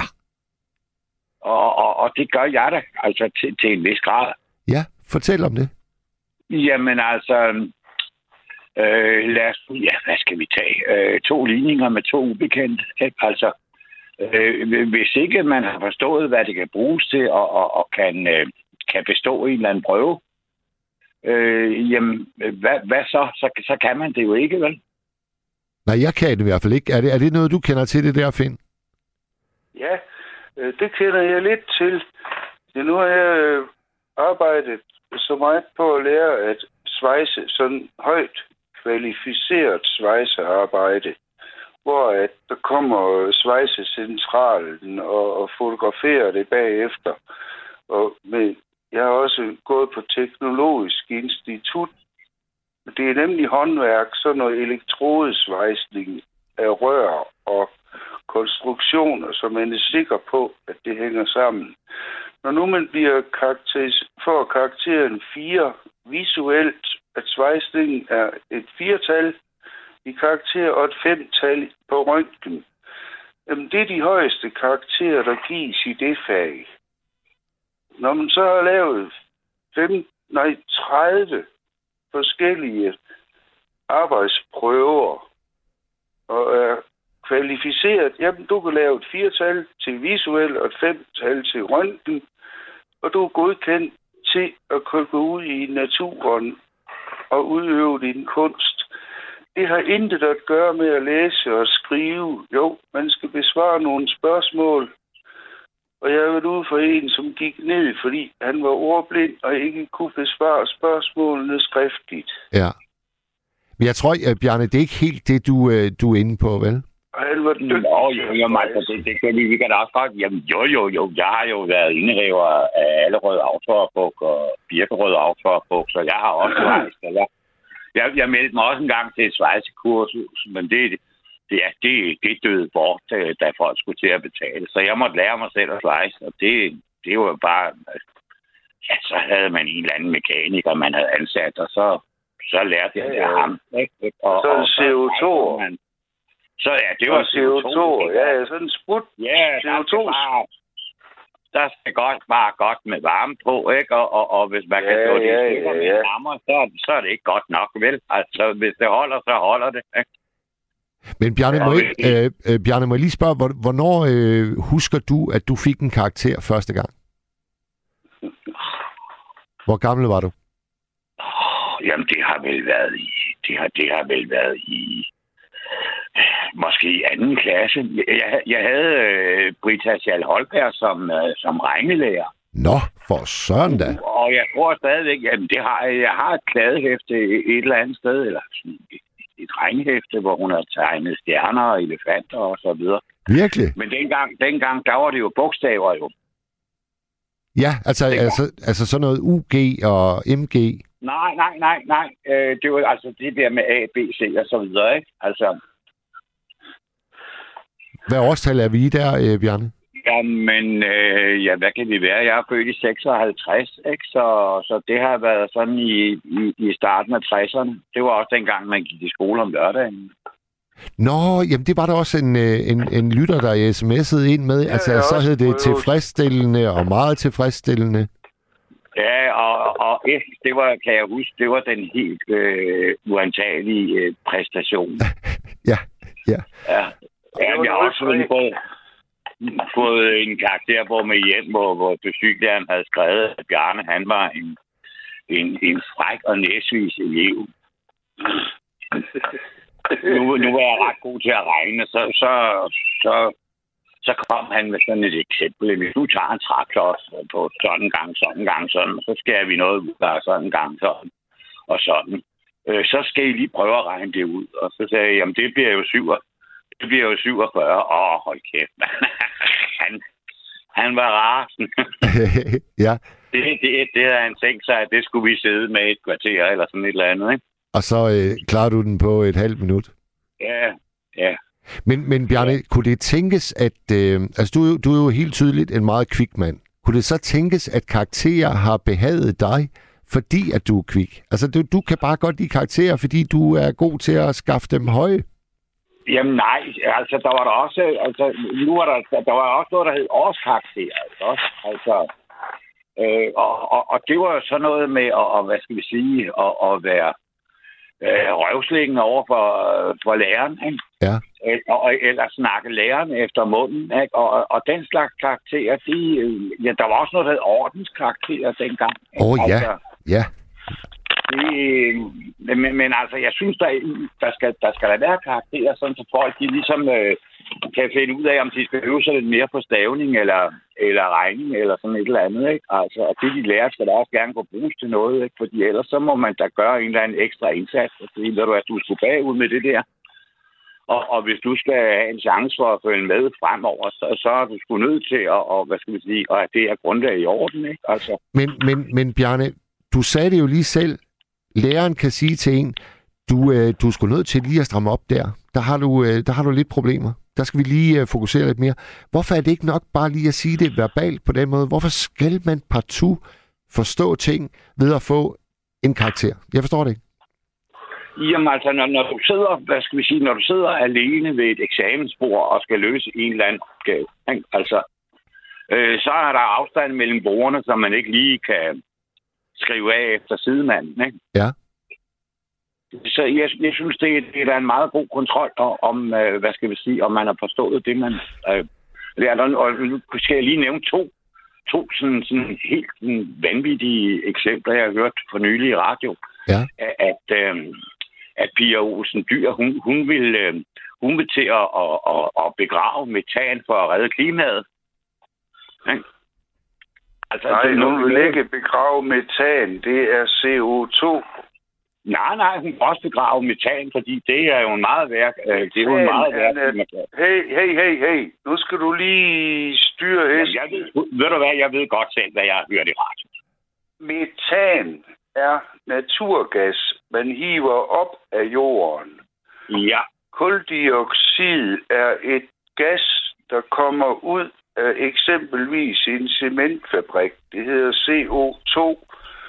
Det kan man deponere i undergrunden, men Ja, metan, det kan det man er ikke. CH4. Det er prutgas, ligesom det, der kommer ud af et biogasanlæg.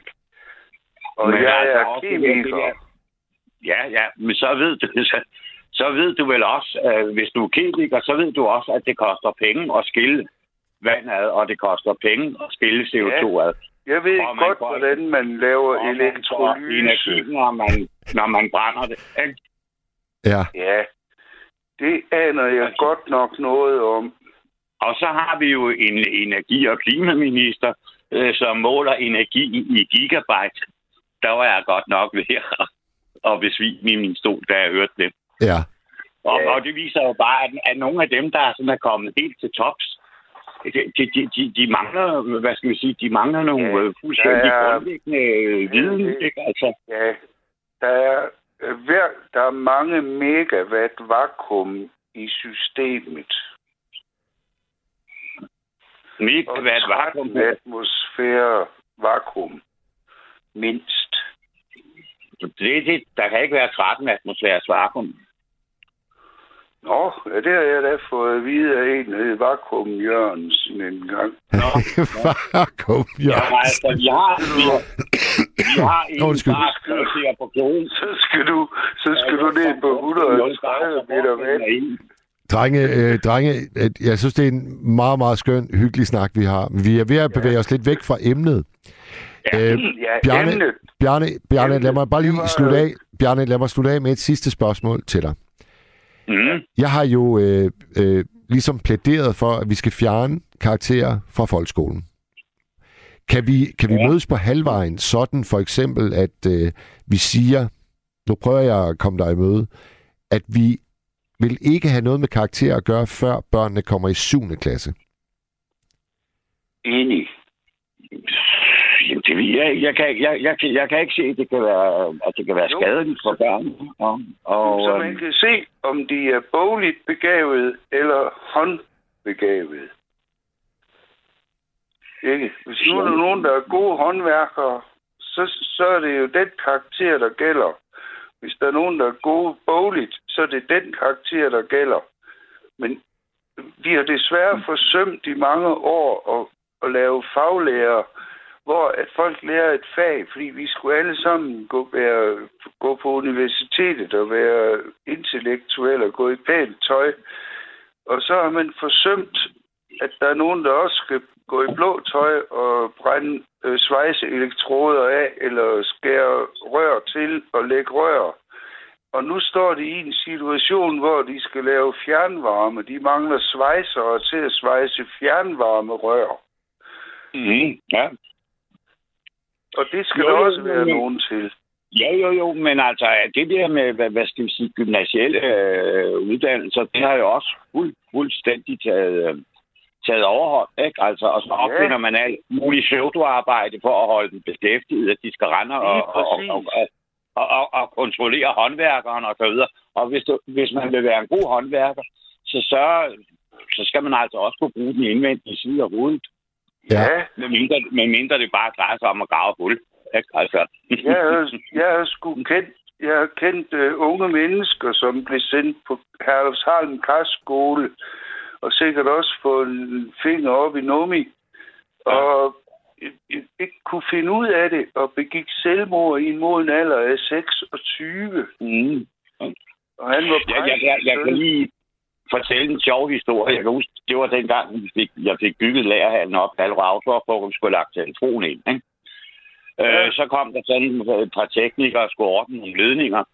Og så viste det, at der, det sig, at der lige skulle graves et hul øh, på sådan en halv meter eller sådan et eller andet. Og øh, Ja, så at ringede de så efter, i. ja, så ringede de efter en, og så stod de og lavede ingenting, to mand i en halv time, mens de væltede. Og så kom der sådan en, en eller anden, øh, en eller anden stakkels gammel øh, gut med en næsten knækket ryg. Og han skulle så grave det her hul. Altså, ja, Det ja. har sgu nok været København, og tror du ikke? det har det sgu nok været. Ja. Prøv lige at høre, øh, øh, Bjarne og Finn, øh, tusind tak for jeres øh, bidrag her i nat. Jeg synes, I har, øh, I har, I har pyntet på programmet gevaldigt.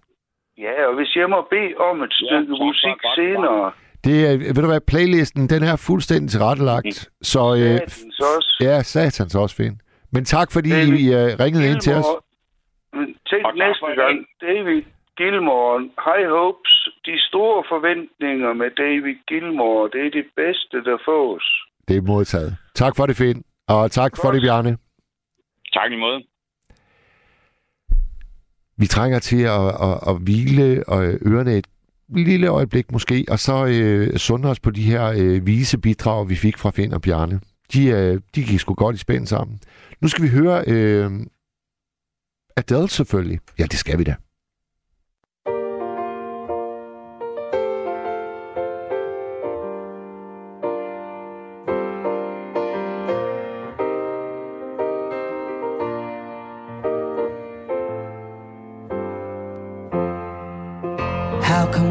Become so bounded by choices that somebody else makes? How come we both become a version of a person we don't even like? We're in love with the world, but the world just wants to bring us down by putting ideas in our heads that corrupt our hearts somehow.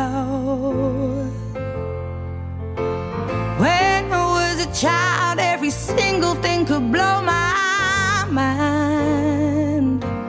Soaking it all up for fun, but now I only soak up wine. They say to play hard, you work hard, find balance in the sacrifice. Yet I don't know anybody who's truly satisfied. You better believe I'm trying to keep climbing.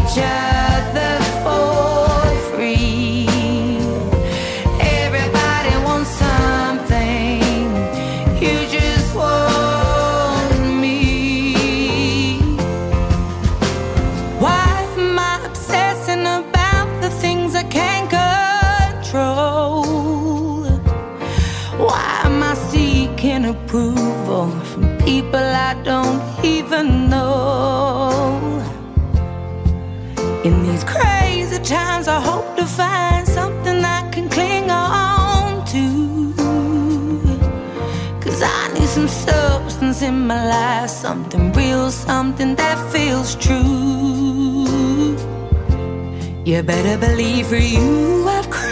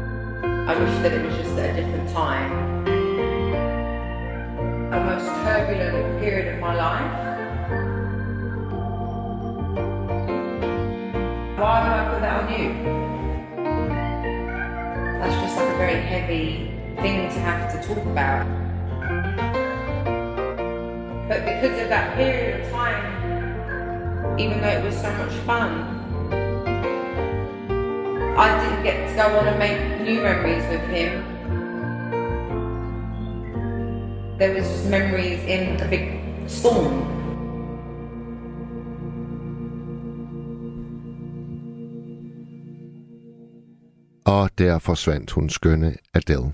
Hun drak vin i det her nummer. Jeg håber også, I sidder derude og får noget vin eller noget kaffe. Det er det er på her lige i øjeblikket. Der er en, der skriver meget kort og kontant. Nu skal jeg lige finde den. Der er kommet så mange. Det er dejligt. Der er en, der skriver, der er kun brug for to karakterer. Bestået og ikke bestået. Resten er nonsens, og det siger jeg, selvom jeg har en del 13-taler i bagagen. Det sidste, det øh, gjorde de første mere hårdt slående.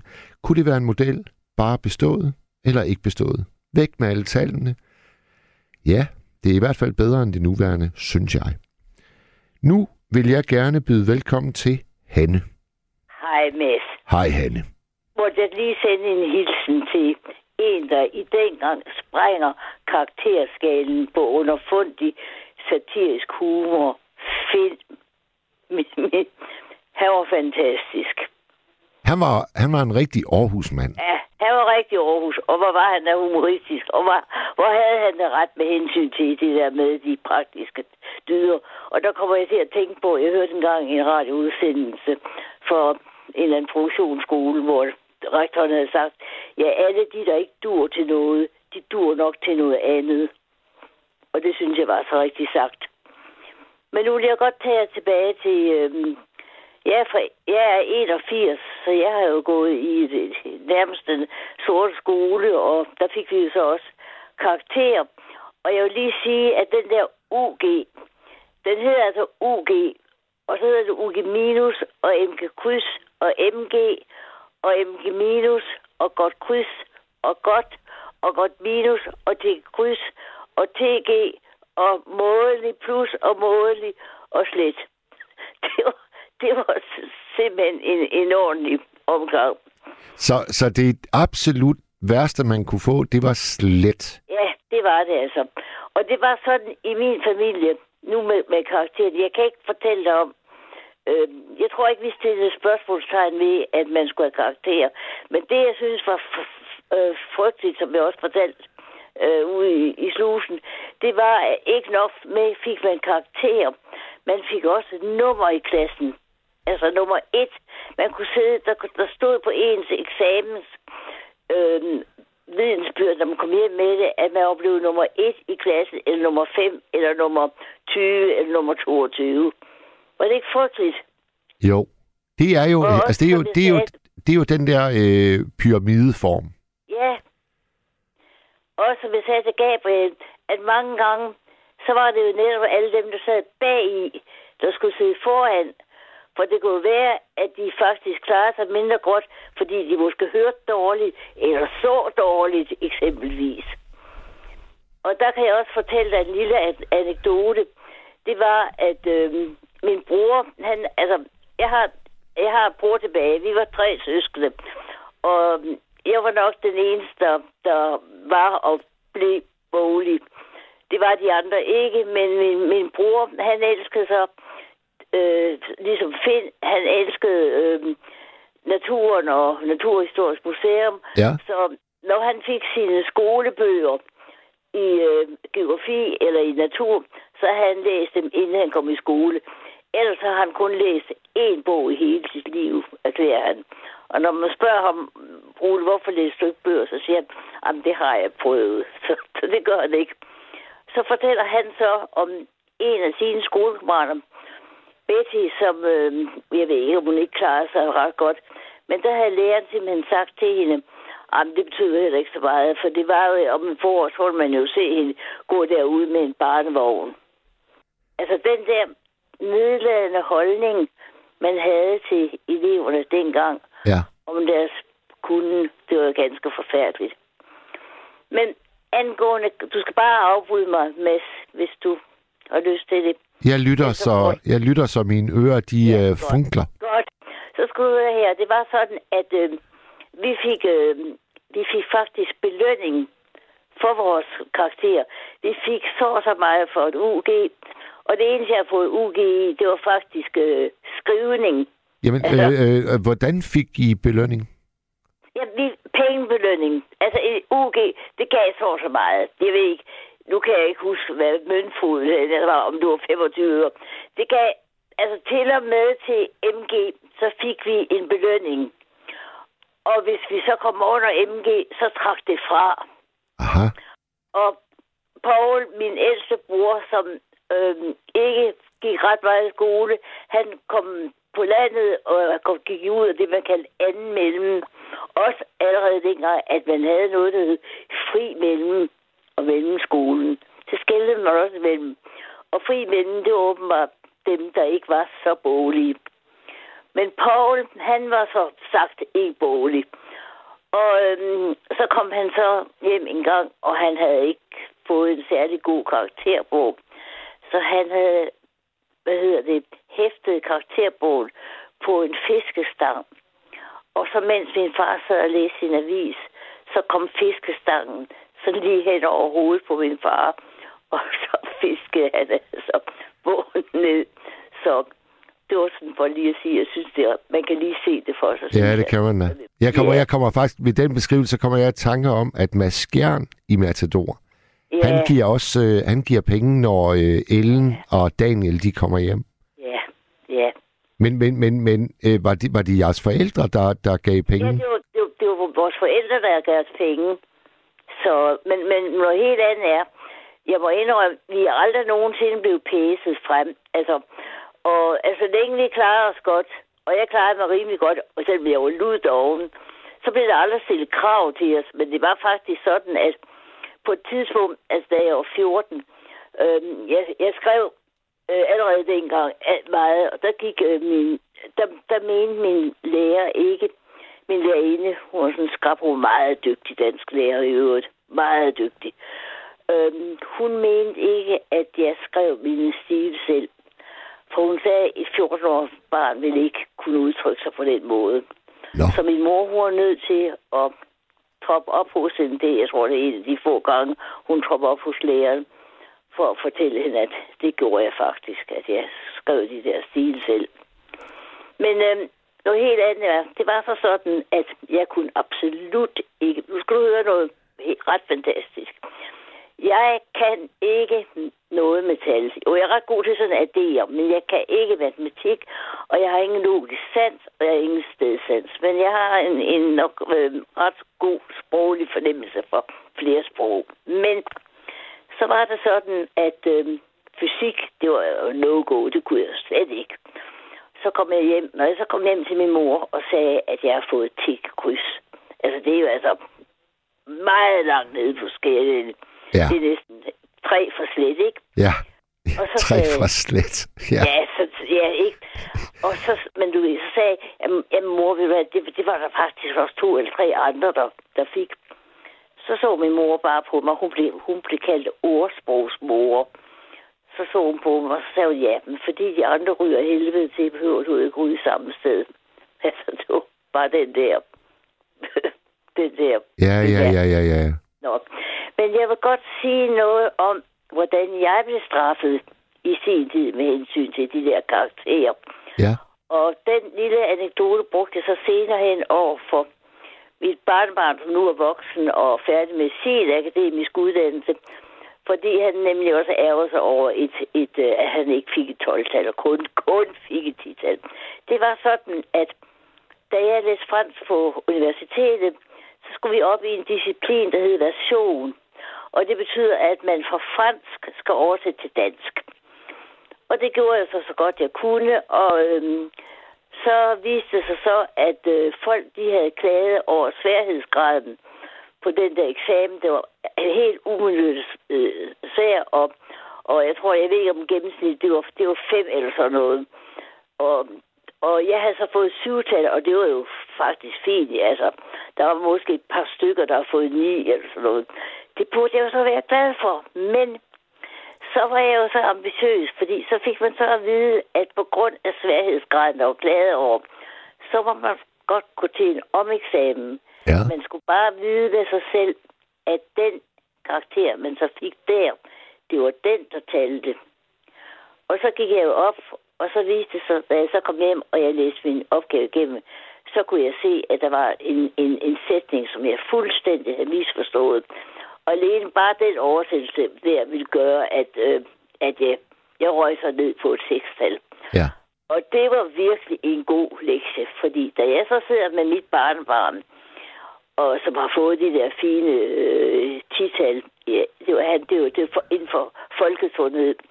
Og, øhm, og det, det, det, det er kun to-tre ligger tre år tilbage, tror jeg. Og hans farmor havde også sagt, jamen altså, det er da flot, det skal du da ikke, og hun har også gået i rette med ham. Og så, så fortæller jeg ham så den her historie om, hvordan jeg havde brændt nælderne, og, og jeg ser også, hvor uvigtigt jeg egentlig synes, det var med de der karakterer. Også fordi jeg fik faktisk ikke særlig høje karakterer, da jeg gik på, på, på studiet. Så må jeg også sige, at jeg var, havde små børn derhjemme. Det var der ikke så mange andre, der havde. Men det, at man faktisk ved, hvor skoen trykker, det gør faktisk, at jeg, man bliver en meget bedre lærer sidenhen. Og jeg har faktisk lige siden jeg var 10 år vidst, at jeg ville undervise. Ja. Ja. Nå, øh, hvor kom jeg fra? Nå, men så, så, så sidder vi så der, og så siger dem, hvordan kan det være, at du ikke er tilfreds med det der tital? Ja. Så siger han bare, og det var så rigtigt nok, og jeg skal nemlig sige, at han er nemlig lidt ordblind. Og det har han godt kunnet benytte sig af ved de forskellige eksamener, fordi så får man længere tid til det. Men det har han aldrig ville benytte sig af. Han vil ikke have noget sær, fordi han vil ikke have, at det skulle figurere senere hen, hvis han skulle søge, søge arbejde, hvilket i sig selv jo er, er lidt fjollet og forkert. Men så siger han, jamen mormor, det var fordi, jeg vidste, at jeg kunne have gjort det bedre. Så der i lå ærgelsen over, at han vidste egentlig, at han kunne have præsteret bedre. Ja. Så. Ja. Men nu vil jeg sige, at han var også, senere hen var han så også, altså inden han gik på Marcellesborg øh, team, team derinde, fordi han, han roede i kajak, han var på ungdomslandet i kajak, så han var i sig selv, hvad skal jeg sige, kom, konkurrencemindet, så det kan man jo godt være, ikke også? Jo, jo, jo. Men Mads, så vil jeg godt fortælle noget om Rudolf Steiner skolen. Har du gået Ja. på, har du gået på Ja. sådan en? Nej, jeg, jeg har noget at sige om det. Det er fordi, jeg, jeg har en veninde, jeg ser hende ikke mere, men øh, vi gik på Handelshøjskolen sammen i sin tid, og hun adopterede tre koreanske børn. Ja. Normalt mm, måtte man faktisk vist kun adoptere to, men fordi de var så fantastiske forældre, så fik de lov til at adoptere de der tre koreanske børn. Og de boede i Greno på, på det tidspunkt. Jeg behøver ikke sige hendes navne, men de var begge to gymnasielærer. Og så gik de meget op, øh, noget op i Martinus, og Martinus han er jo knyttet lidt sammen til Rudolf Steiner skolen og princippet der. Og så, så ville de gerne gøre det det allerbedste for deres børn. Ja. Så det gjorde faktisk, at de lejede deres bolig ud i Grenå og lejede sig dyrt ind i en bolig her i Aarhus, for at børnene kunne gå på Rudolf Steiner skolen. Men ved du hvad? Det var ikke noget for de børn. Jeg kan ikke forklare dig, hvorfor. Men øh, de tog dem alle sammen ud af skolen, og de kom tilbage til, til Grenå. Ja. Så, men hvad, hvorfor det ikke var? Fordi, fordi jeg tror ikke, det kan være øh, på Rudolf Steiner skolen. Det, altså, jeg har altid tænkt, og det kan jeg jo godt finde på at tænke endnu, hvis jeg havde små børn. Men jeg, var så ikke har, jeg har så små oldebørn, men de er jo ikke skole. De skal jo ikke gå i skole. Jeg har altid synes, at det, jeg har hørt om Rudolf Steiner, altså der har jeg hørt både, jeg synes, det, der var så dejligt, det var, at det kan Inger også bekræfte, at alle børn, uanset hvem og hvad, de skulle lære at spille et instrument. Ja. Og når jeg tænker på, hvor vigtigt det er, at du får musikken ind i dit liv, Ja. og at man lærer det. Og jeg har hørt, ligesom Inger, at de mennesker, eller de elever, der er gået på Rudolf Steiner skolen, de har alle dem, jeg har hørt om, klaret sig exceptionelt godt i akademiske stillinger sidenhen. Så jeg tror absolut, at man skal forsøge at øhm, evaluere børnene mere. Jeg tror faktisk slet ikke, jeg er for karakter i det hele taget. Det er jeg egentlig ikke. Ellers så skal man gøre det, som man i øvrigt også gør ved, ved mange akademiske eksamener.